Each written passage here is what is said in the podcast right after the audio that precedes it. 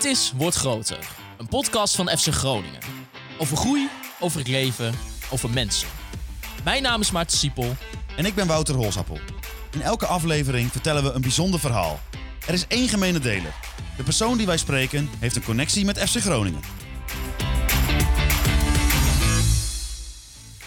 Tijdens de promotiedagen van 9 en 10 november 2021 in Martini Plaza hebben wij verschillende gesprekken gevoerd in het Wordt Groter Theater van FC Groningen.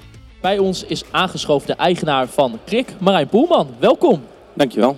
Kan je allereerst even wat over jezelf vertellen? Uh, ik ben Marijn, ik ben 29 um, en ik ben de eigenaar van Klik. Ik uh, woon in Groningen. Um, ik hou mij bij Klik vooral bezig met uh, de, de commerciële kant van de business. En ben ik eigenlijk een soort van vliegende kip. En mijn grootste uitdaging binnen Klik is om de organisatie te laten groeien. En dat is eigenlijk mijn voornaamste rol in het bedrijf. Want wat is Klik precies? Klik is een, uh, een internetbureau, een softwarebedrijf. Um, wij uh, richten ons op groeibedrijven. Wat wij daarvoor doen is uh, maatwerk web-based oplossingen bouwen. Dus dan moet je denken aan webapplicaties, apps, websites en webshops. waarbij wij vooral gespecialiseerd zijn in de wat complexere omgevingen. Dus niet een standaard webshop of website voor een bakker om de hoek. Maar juist wat grotere, moeilijke projecten waar veel koppelingen bij komen kijken en waar uh, wat, wat technische vraagstukken. Uh, ja, wat, wat, wat zijn dan bijvoorbeeld van die moeilijke projecten in dat geval? Nou ja, een van uh, dat soort projecten is bijvoorbeeld de website van FC Groningen. Um, we hebben met FC Groningen net een contract getekend waarbij wij de nieuwe website en webshop van FC Groningen gaan bouwen. Um, en dat betekent, ja, dat, dat, dat is best wel een complex project, kun je begrijpen, denk ik. Um, daar zitten heel veel koppelingen met externe partijen aan uh, voor data-uitwisseling. Uh, om zo min mogelijk handmatig te hoeven doen. Dus FC Groningen is een voorbeeld van zo'n groot complex project waar we echt uh, maanden mee bezig zijn om daar iets goeds voor neer te zetten. want we willen gewoon zoveel mogelijk automatiseren in zo'n traject als dit. Je kan bij een website heel veel met de hand doen. Maar ons doel is gewoon te zorgen dat dat niet nodig is en dat het gewoon zoveel mogelijk geautomatiseerd verloopt. Even wat uh, terug in de tijd. Want als ik het goed uh, heb, begon jij al vrij vroeg met uh, ondernemen. Ja, dat klopt. Ja, op mijn veertiende. 14, ja, ik, ik, ik, las het. Ik denk, toen ik 14 was, ging ik naar school en s'avonds voetballen en dat was het. Maar jij ja, hele dacht... andere dingen. ja. Vertel. Um, nou ja, ik gamede in die tijd veel. online, multiplayer games. In die tijd kwam dat een beetje op. Um, op mijn veertiende. Call of Duty was het spel wat ik veel speelde. Dat speelde je dus tegen anderen. Nou, nu is dat heel normaal, maar in die tijd was dat niet zo. En um, dat speel je op een server. Een server, een soort computer is dat in een datacenter waar je dus twee spelers met elkaar verbindt. En um, als je met je vrienden wil gaan oefenen, het spel wil gaan oefenen, dan huur je zo'n server van een gamehostingbedrijf. En ik speelde die spelletjes, dus ik dacht, ja, ik kan dat eigenlijk ook wel doen. Dus ik heb een server, een server gehuurd en uh, heb dat uh, opgedeeld in meerdere gameservices en ben dat gaan verhuren aan mijn vriendjes. Zo is eigenlijk mijn bedrijf uh, begonnen. Ja, want hoe, hoe begin je daar dan aan dat je dat, je dat gaat doen? Um, nou ja, een, een hobby. dat liep een beetje uit de hand. maar ik kom uit een ondernemersgezin. Dus het ondernemen was mij uh, niet onbekend. Dat is ja. met de paplepel ingegoten. Precies, je werd ook wel een beetje gestimuleerd van goed zo, uh, Marijn. Ja, uh, ik weet nog heel goed hoe het ging. En ik kwam op woensdagmiddag thuis. En toen had ik bedacht dus dat ik dit wilde gaan doen. Mijn vader was er niet. Uh, ik ben naar mijn moeder toegelopen. Ik zeg, mam, heb je vanmiddag wat te doen? Ze zegt, hoezo? Uh, ik zeg, nou ja, ik wil graag even naar de Kamer van Koophandel. dus, nou, dus, uh, dat was natuurlijk even schrikken. Kamer van Koophandel, wat, wil je? weet papa hiervan? dus ik heb uitgelegd wat ik van plan was. Namelijk gameservice verhuren en een eigen bedrijf beginnen. Dus toen zei ze, nou bel maar even met je vader of hij dat ook een goed idee vindt. En nou, die zei, ja, als je dat wil doen, dan ja, prima. Dus uh, diezelfde middag ben ik met mijn moeder naar de Kamer van Koophandel gegaan en uh, is mijn bedrijf begonnen. Ja. De school leidde daar niet onder? Ja, uiteindelijk wel. Op dat moment nog niet. In de begintijd uh, viel dat nog mee. Ik zat op de VWO. ik ben wel afgestroomd na de HAVO, want het leren ging mij iets te gemakkelijk af en ik vond het niet zo heel boeiend. Ik vond andere dingen leuker, bouwen aan mijn bedrijf bijvoorbeeld. Dus ik ben HAVO gaan doen, met twee vingers in de neus uh, mijn diploma behaald. Um, daarna gaan studeren en tegelijkertijd mijn bedrijf erbij uh, gehad. En bijvoorbeeld uh, vrienden in die tijd dachten er niet van, goh, waar ben jij nou mee bezig? Jazeker. je zit een beetje in een andere fase wat dat betreft. Ehm, ik had mijn bedrijf en zij ging aan het werk bij een baas. Nou, dat is wel een verschil. Ehm, maar ik heb wel veel ondernemende vrienden ook om me heen uh, gehad altijd. Dus die, ze begrepen het wel en vonden het wel heel tof wat ik, uh, wat ik deed. Ja. Maar ja, mijn school heeft er uiteindelijk wel uh, onder geleden, dat wel. Ja. Ja, want hoe ging je vervolgens verder na, na het verhuren van die game service? Nou, als je game service kunt verhuren op een server, uh, dan kun je ook websites verhuren. Althans, webhosting is dat, dus webruimte. Dus uh, ik ben naast games ook websites gaan hosten. En dat is gaan groeien. Ehm, van één server werden twee, twee werden vier, vier werden zes. We gingen een rek huren in een datacenter. Ik ging midden in de nacht uh, met de trein met servers van 30 kilo onder mijn arm naar het datacenter in Capelle aan de IJssel om daar uh, te knutselen aan die dingen. Want dat moet s'nachts, want je mag geen downtime hebben. En op een gegeven moment kwam iemand met de vraag van... joh Marijn, ik heb een uh, website die jij host. Um, ik heb wat problemen, kun je mij helpen om dat aan te passen? Nou, ik zei, dat kan ik nog niet, maar ik kan het wel leren. Dus ik heb mezelf leren programmeren. op internet opgezocht, tutorials gedaan. En ja, zo is mijn bedrijf ontstaan. Nam dat niet eigenlijk gewoon je, je hele dagelijkse leven dan in beslag? Uh, ja. ja. ja, ik vond het veel interessanter dan, dan school. Dus ik stond wel ingeschreven, maar ik heb geen opleiding afgerond. Ik zeg altijd, ik heb elke opleiding met het woord economie erin wel gedaan. Maar niks, niks afgerond, nee. Uiteindelijk na, na een aantal pogingen besloten om toch maar mijn bedrijf te gaan bouwen. Ja. Ja, uiteindelijk koop je als het goed is ook een, een, een computerwinkel op. En dat resulteert dan er vervolgens in dat je ook ooit bijna failliet bent gegaan. En, en schulden had van 100.000 euro. En dat in je begin twintig jaren. Ja, dat klopt. Hoe, hoe, hoe ging dat? Ja, um, dat was eigenlijk achteraf gezien is het heel makkelijk te verklaren. Maar op dat moment nog niet. Um, maar in die tijd uh, um, ging het eigenlijk heel goed. We groeiden en we groeiden en we groeiden. Maar we hadden geen focus. Dus een van de dingen die we niet goed deden is we deden alles gamehosting, webhosting, maar ook computers repareren, netwerken aanleggen, telefonie faciliteren. Zolang het iets met computers te maken had, dan bel maar en we fixen het wel. Nou, we wilden graag groeien. Um, dus dus uh, wat daar gebeurde, er kwam een computerwinkel op ons pad. Uh, er was een faillissement en de curator die belde mij op. Die kende ik via via en die vroeg of dat niks voor ons was. Uh, dus we hebben een computerwinkel overgenomen, groot verbouwd. Nou ja, dat was eigenlijk het begin van het einde, zeg maar, van alle ellende. Uh, en ik denk niet dat die computerwinkel per se de enige reden was dat het niet goed ging. Maar uh, het was wel de druppel uh, die de deed overlopen. Want een B2C-markt is heel anders dan B2B. Wij waren gewend om uh, te werken voor uurtarieven. dan, dan reken je 80, 90 euro per uur. En in de winkel moesten we in één keer een router gaan verkopen van twee tientjes met een marge van 10%. Ja, dan ben je dus voor 2 euro een uur aan het, uh, aan het lullen met iemand. Uh, en twee uur later belt hij op. Zegt hij, ja, dat ding wat ik bij jou gekocht heb, dat doet het niet. Uh, ja, we wisten allemaal dat dat niet aan de, die router lag, maar aan de gebruiker in dit geval. Maar ja, dan moet je erheen gaan en dan heb je onderaan de streep 2 euro marge. Ja, dat, ja. dat was niet vol te houden. Ik vond dat niet leuk. Ik vond het verschrikkelijk. Dus we hebben een stagiair in die winkel gezet en dan zijn zelf maar andere dingen gaan doen. Maar dat ging niet goed? Dat ging niet goed. Nee, nee. dan uh, komt er geen geld binnen. Dan stuur je niet op de juiste parameters.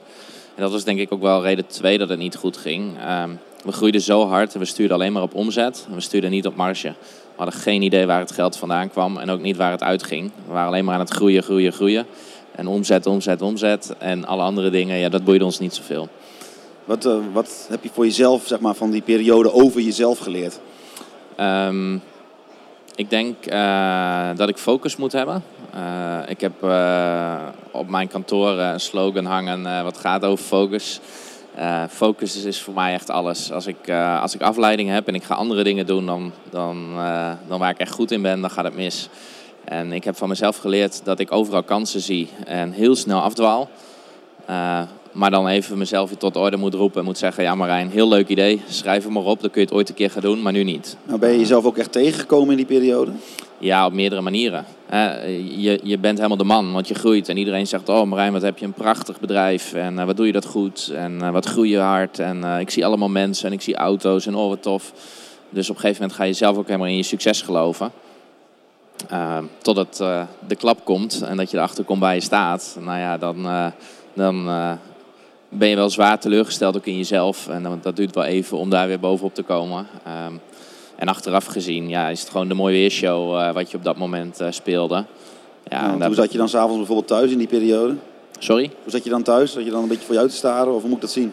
Uh, ja, in die periode was het vooral gas geven, denk ik. Toen we dat besefmoment hadden. want met stilzitten en voor je uitstaren, daar los je geen problemen mee op.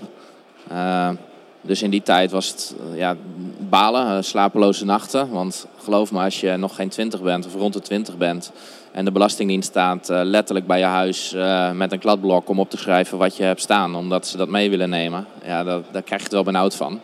Dat is niet, uh, niet fijn. Ja, want kan je daar wel als, als inderdaad hè, rond de 20-jarige, kan je daar wel mee omgaan? Um, ja, dat is automatische piloot, denk ik. het overkomt je, je hebt geen keuze. Je kan wel weglopen, maar daar los je het probleem ook niet mee op. Dus uh, ja, je, je weet niet uh, hoe je in die situaties handelt. Nee, achteraf goed, denk ik. Maar uh, ja, het overkomt je. En, en, het is ook niet dat je op dat moment realiseert waar je in zit. nu reflecterend op die periode, ja, dan kun je heel veel verklaren en kun je er heel veel van vinden. Maar op dat moment ben je daar helemaal niet mee bezig. Dan denk je alleen maar, ja, hoe kom ik hier zo snel mogelijk weer uit? Ja, ja want hoe kwam je er dan in dat opzicht weer bovenop? Ja, gas geven.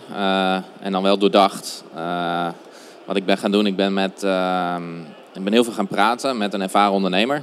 Um, een compagnon, dat is inmiddels mijn compagnon. Dat was een van uh, mijn grootste klanten.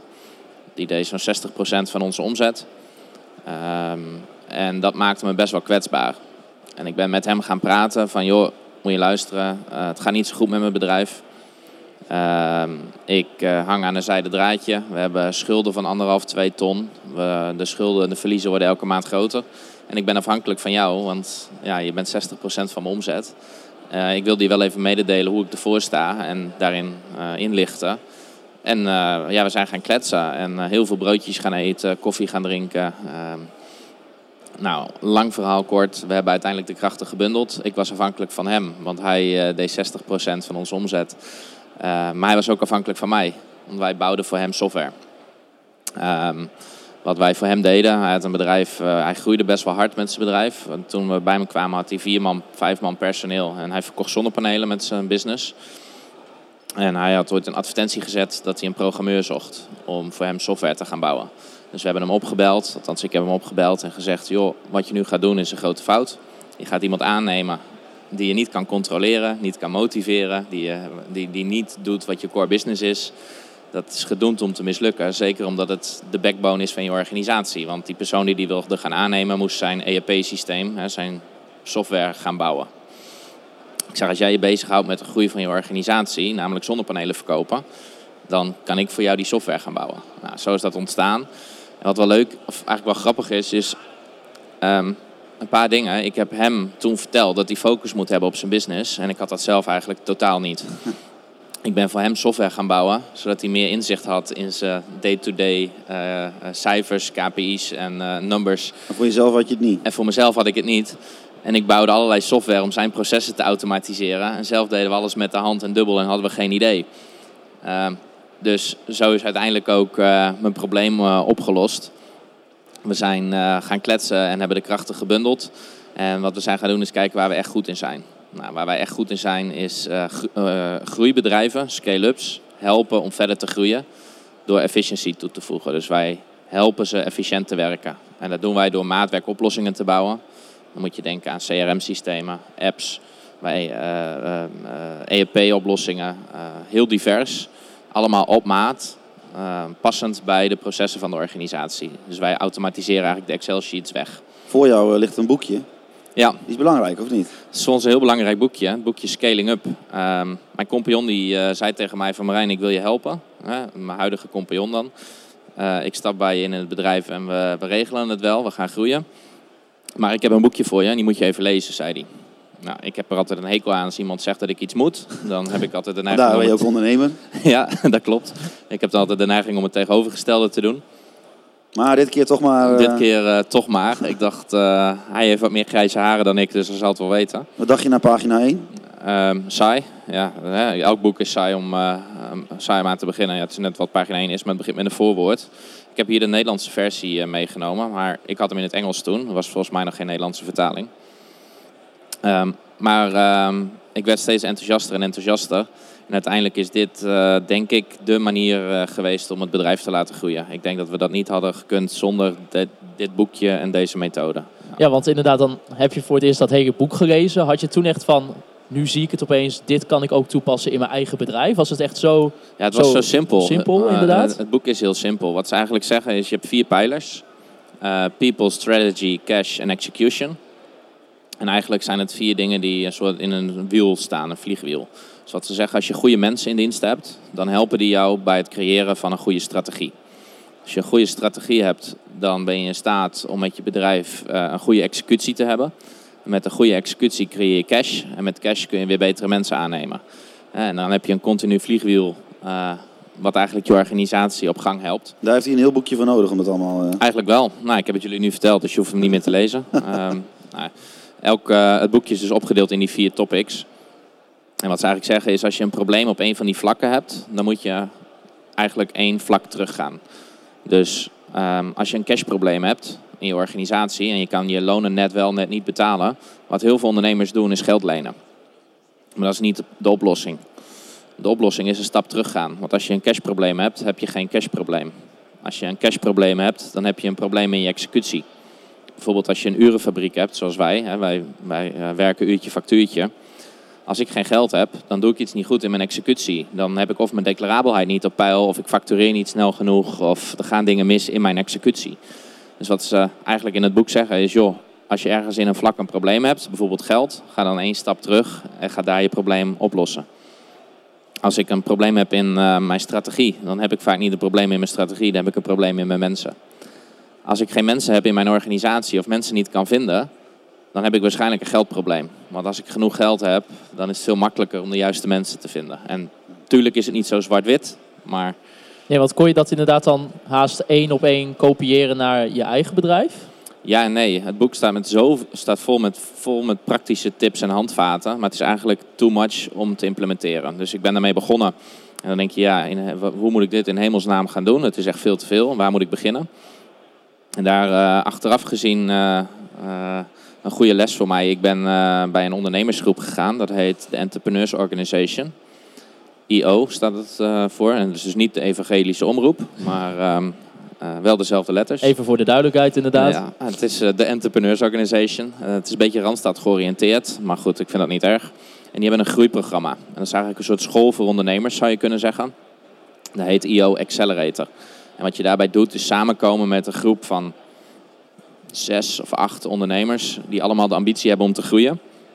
Die ervan overtuigd zijn dat deze methode ze daarbij gaat helpen. En die daarbij gecoacht worden um, door een ervaren ondernemer in maandelijkse accountability sessies. Dat betekent dat je elke maand bij elkaar komt en je elkaar accountable houdt voor bepaalde doelstellingen. En tegelijkertijd hebben ze daar bij Accelerator vier keer per jaar een groot learning event waarbij een van deze topics, cash uh, bijvoorbeeld, uh, centraal staat. En waarbij sprekers komen, coaches komen om je te helpen om die handvaten te implementeren in je organisatie. Want de theorie is leuk, maar volgens denk je, ja, hoe moet ik dit doen in mijn bedrijf? Nou, en daar krijg je dan hulp bij. Ja, want hielp het inderdaad echt van, je had dan natuurlijk het boek gelezen, maar door misschien mensen die het al daadwerkelijk ook hadden geïmplementeerd in hun bedrijf, kon je daar misschien wat makkelijker leren en ook vervolgens meenemen in je eigen organisatie. Zeker. En sparren met andere ondernemers die in eenzelfde fase of situatie zitten. Um, want het is een driejarig programma waar je aan uh, committeert. En het, de bedoeling is, het is eigenlijk gemaakt voor bedrijven met een omzet van 3 ton ongeveer. Die willen groeien naar een omzet van een miljoen binnen drie jaar.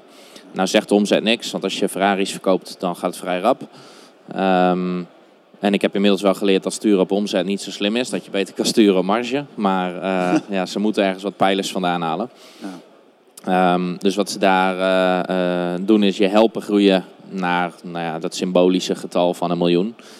Um, maar ja, dat zijn allemaal gelijkgestemde ondernemers die dat willen. En die in dezelfde fase zitten. Of misschien soms een stapje verder zijn. Ja, daar kun je heel veel van leren.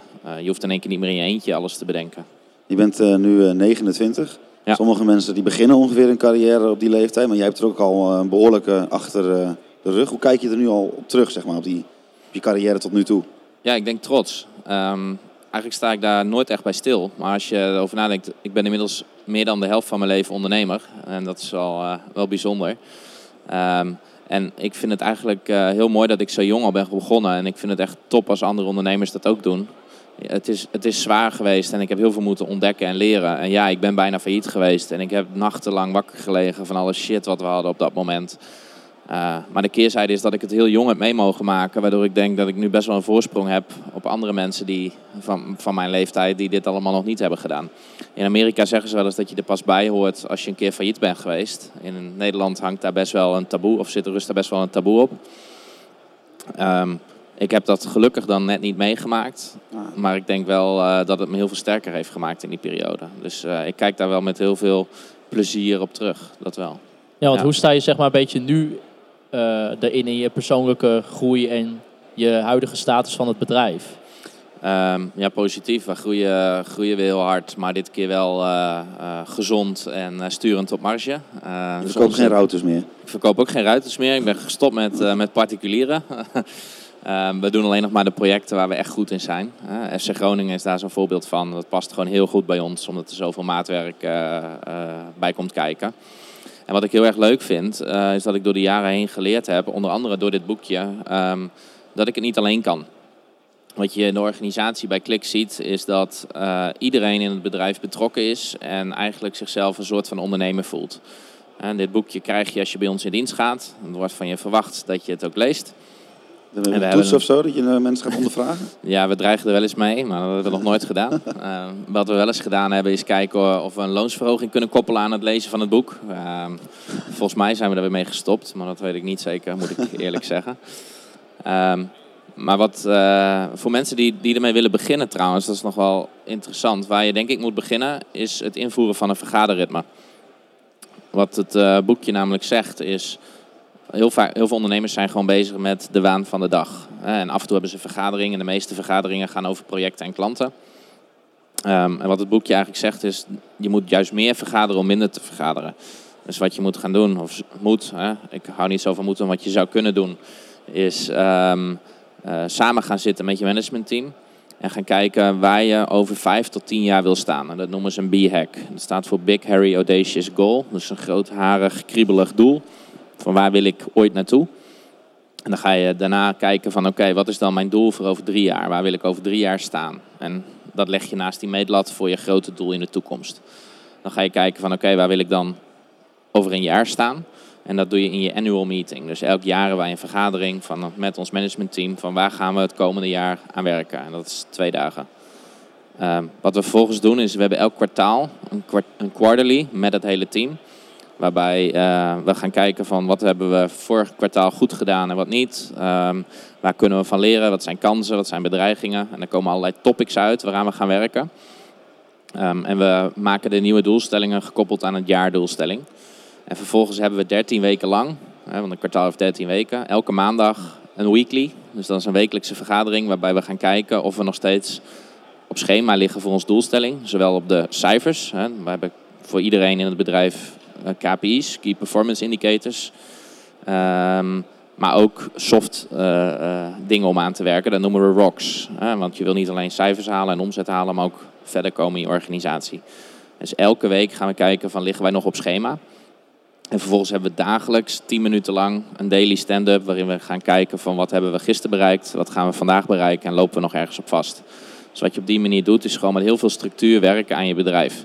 En vooral die weekly, dat is een uur lang. het hele bedrijf zit er bij ons bij. Uh, heeft ons echt geholpen om dit ook te implementeren in de organisatie. En om uh, nou ja, uh, verder te komen en te zorgen dat, dat iedereen hier ook aan bijdraagt. Dus als iemand wil beginnen met scaling up implementeren, dan raad ik aan om te beginnen met het invoeren van de wekelijkse vergaderingen. Want dat heeft ons echt heel veel, heel veel gebracht. Ja, lijkt er eigenlijk inderdaad op dat je daardoor, ja, je hebt gewoon veel meer structuur in je persoonlijke leven, maar ook in, in je bedrijfsleven gekregen. Waar, waar zitten voor, voor jou op beide vlakken nog uh, de uitdagingen voor de toekomst?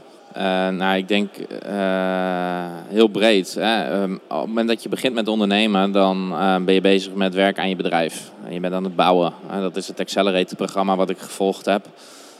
wat me dus heel erg geholpen heeft. Maar dan ligt de focus op je business. Als je ietsje verder komt in je organisatie... Um, en bijvoorbeeld dit soort methodes wat meer geïmplementeerd zijn, dan ga je andere dingen doen om te groeien. En dat betekent vooral werken aan jezelf als ondernemer. Hè? Want uh, daar heb je hele andere skills voor nodig, andere bagage voor nodig. Dus wat ik zie is dat ehm, waar mijn uitdagingen in het begin vooral zaten op de praktische dingen in het bedrijf. Hè, dus hoe kom ik aan geld bijvoorbeeld, of hoe kom ik aan mensen. Zie ik dat dat nu veel meer verschuift naar, joh, hoe kan ik nu een betere ondernemer worden? En wat kan ik doen aan zelfontwikkeling en hoe kan ik groeien als ondernemer? En ook hoe kan ik andere mensen in het bedrijf laten groeien? Want ik kan het niet meer alleen. Dus mijn grootste uitdaging op dit moment is uh, goede mensen om me heen verzamelen. En ze zoveel mogelijk leren en coachen en stimuleren om uh, mij te helpen om het bedrijf uit te bouwen. Dus uh, groter denken dan jezelf. Dankjewel. Graag gedaan. Jullie bedankt.